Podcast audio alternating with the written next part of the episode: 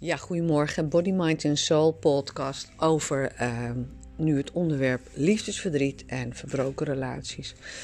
Uh, ik heb heel veel podcasts gegeven over relaties, over hoe kom je nou aan je Valentijn. Maar stel nou dat je Valentijn of je relatie of iemand met wie jij uh, een verbinding hebt of hebt gehad, dat dat overgaat. En het maakt eigenlijk niks uit of jij de relatie verbreekt of dat de andere relatie verbreekt. Je denkt dat het wel zo is, maar het is, voor beide is het natuurlijk een uh, rouwproces. En um, ja, daar gaat natuurlijk enorm veel aan af. Het kan zijn dat de ander uh, zegt van nou, ik uh, heb het gevoel niet meer of ik heb de klik niet meer. Ja, als ik dat hoor, denk ik altijd van ja, dat zijn dan van die hele romantische zielen nog. En de ene relatie is de andere niet.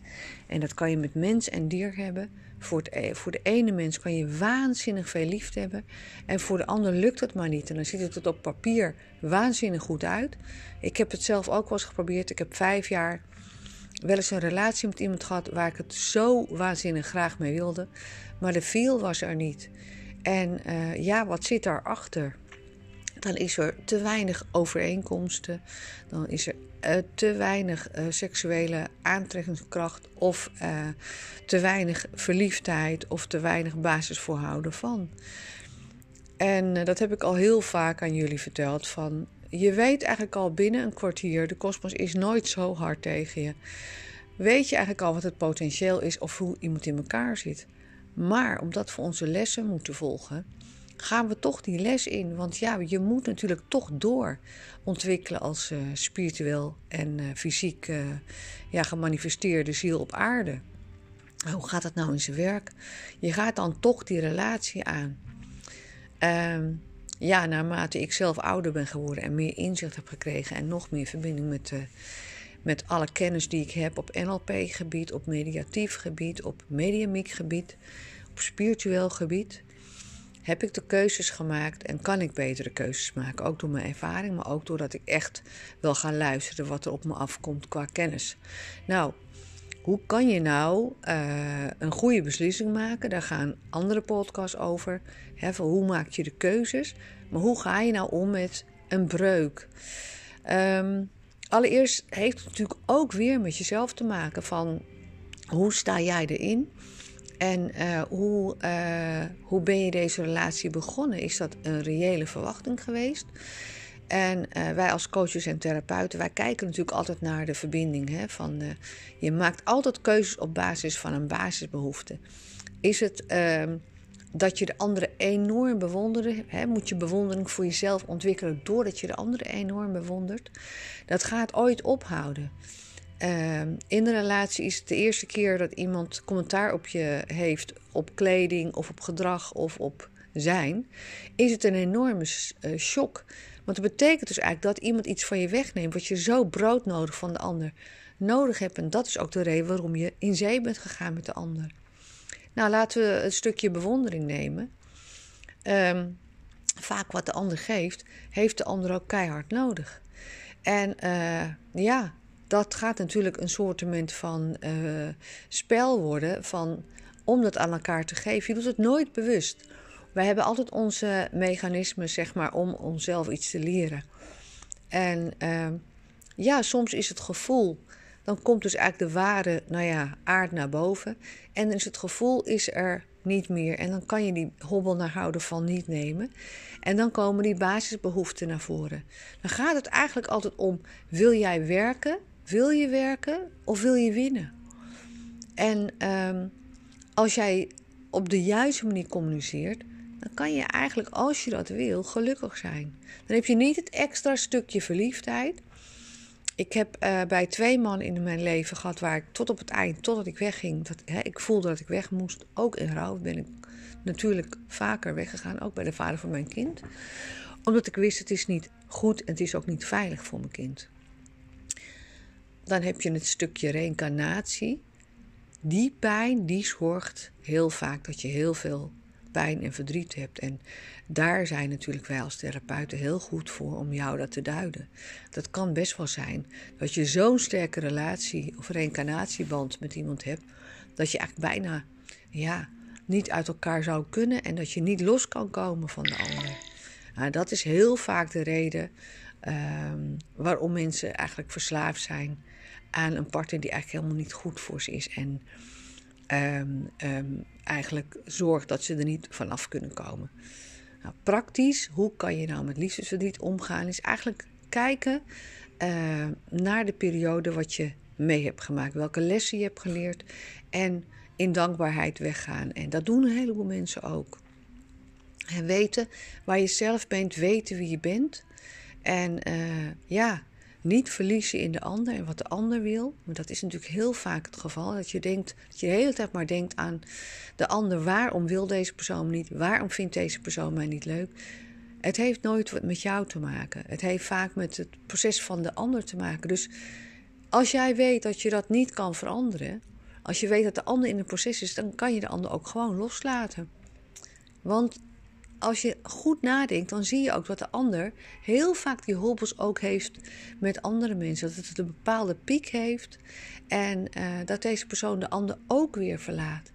En wat het allerbelangrijkste is, is dat deze persoon natuurlijk ook lijdt.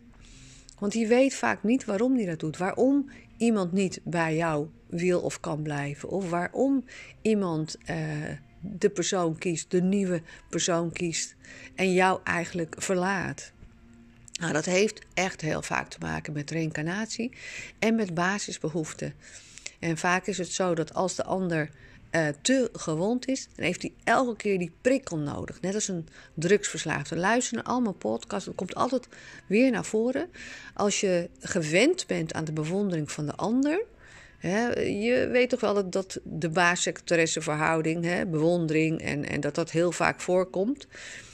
En dan hebben ze thuis een waanzinnige, mooie, geweldige vrouw. Dan denk je vaak van, hoe kan het nou dat hij met deze persoon verder gaat? En die heeft iets prachtigs en iemand die prachtig is thuis. En dat heeft te maken met constant een nieuwe prikkel willen, net als een nieuwe shot.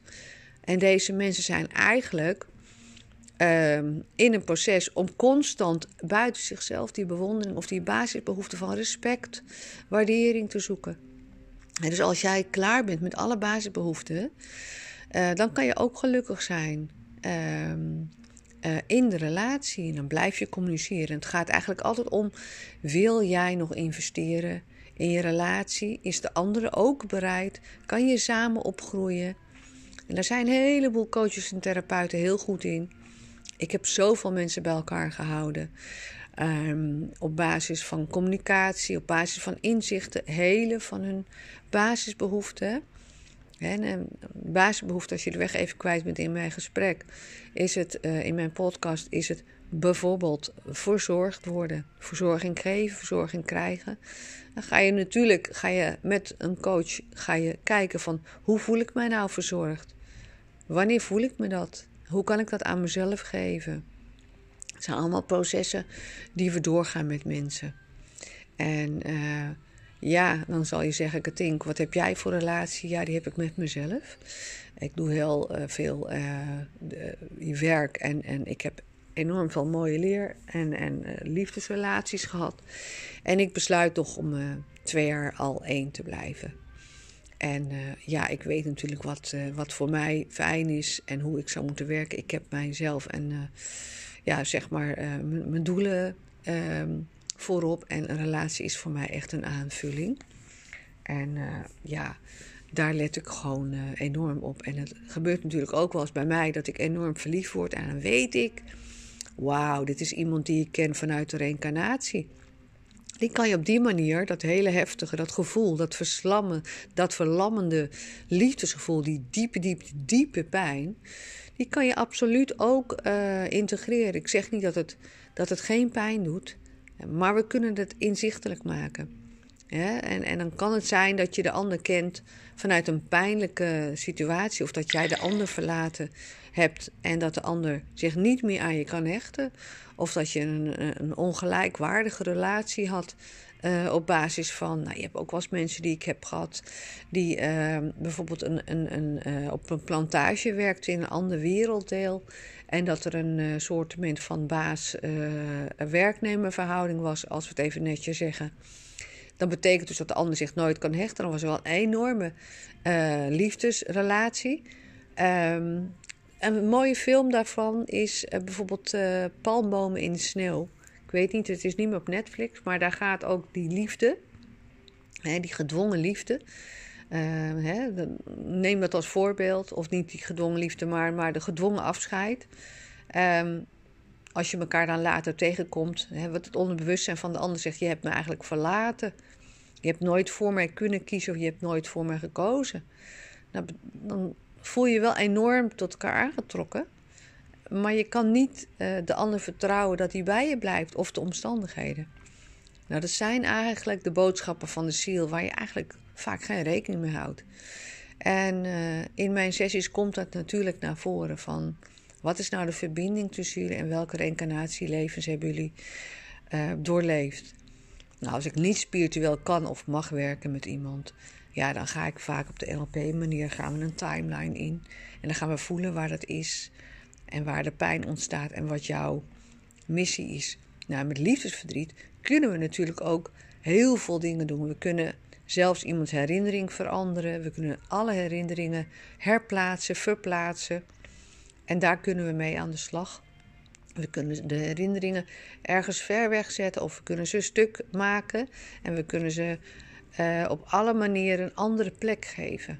En dan merk je ook echt dat hè, de hersenen kunnen alles. Jouw hersenen zijn echt een soort computer. Dus we kunnen dat een hele andere plek geven, zodat dat. jij bent uh, de mind processor van, van je ziel, van je voertuig, van je lichaam. En jij moet sturen. Hè? Jij bent degene die de koers van jouw uh, boot, zeg maar, van jouw denken. Hè? Moet, jij moet dat sturen. Dus als je maar elke keer uh, naar die plek gaat van pijn. Oh, ik heb hem verloren. Nou is rouw natuurlijk wel heel nuttig. Ik heb dat recent meegemaakt met mijn uh, uh, Roemeens geïmporteerde tonjakhond. Die moest ik echt, omdat hij niet kon met mijn. Dus hè, dat kan je ook vergelijken met een liefdesrelatie. Daar was ik echt verliefd op. Omdat ik hem kende vanuit mijn vorige reïncarnatieleven.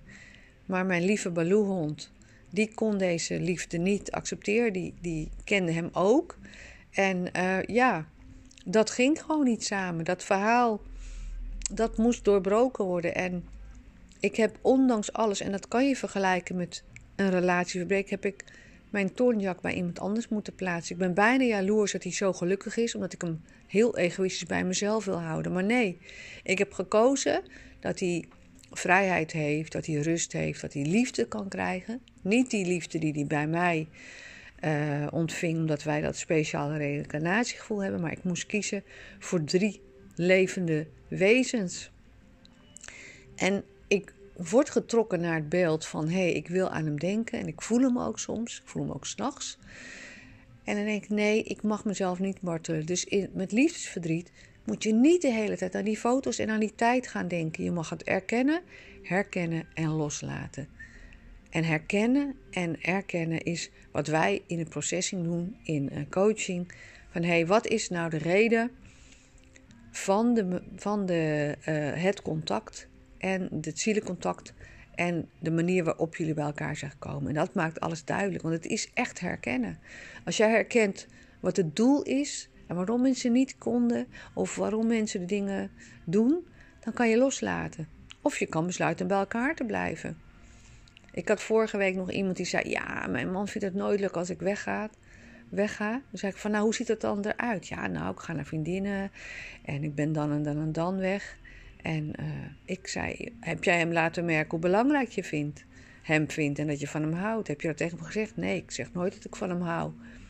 Hoe kan een ziel dan weten die jaloers is? Jaloezie is eigenlijk, leren wij in de NLP, ja, te verliefd dat je bij iemand wil zijn. Als iemand niet de bevestiging heeft dat hij belangrijk voor je is, dat er nooit tijd wordt gemaakt.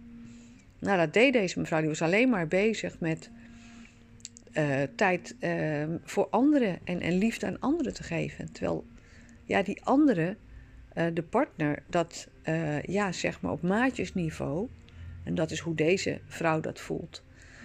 Um, zelfs een maatje kan je zeggen: Ik hou van jou en ik vind je lief en ik maak speciaal tijd voor jou. Dus we hebben uh, in de communicatie het duidelijk gemaakt dat deze persoon, hè, die werd natuurlijk boos, die gaat dat in boosheid uh, laten zien. Net als mijn twee honden. Deze twee waren zo verliefd op uh, mij, zeg maar, in de vorm van dat ze alle twee mij wilden hebben, dat ze elkaar gingen aanvallen. Benji kon het niet accepteren dat Baloo, mijn eerste hond, ook belangrijk was. En dat is de reden. Ik ben toevallig wel gebeten, omdat ik ertussen kwam. Maar ja, uh, uh, dat is eigenlijk het, niet het idee hebben dat het hart van de ander groot genoeg is. En uh, dat heeft ook alles te maken met de persoon zelf. De zelf moet het ook oplossen, maar jij kan dat wel een beetje helpen. En zo zijn er heel veel inzichten wat nou de basis is en wat de verbinding is. En daar wil ik jullie heel graag mee helpen. Um, en ook zorgen dat het leed en het verdriet een plek krijgt zodat jij het kan handelen. En neuro-emotionele integratie helpt direct. Je voelt die pijn wegtrekken. Dus als je liefdesverdriet hebt, vraag een gratis intakegesprek aan. Ik geef twee per maand geef ik weg. En anders www.heresvitaal Body Mind Soul. En uh, ja, het begint allemaal met zelfliefde. En de andere is uh, een aanvulling. Namaste, Katinka.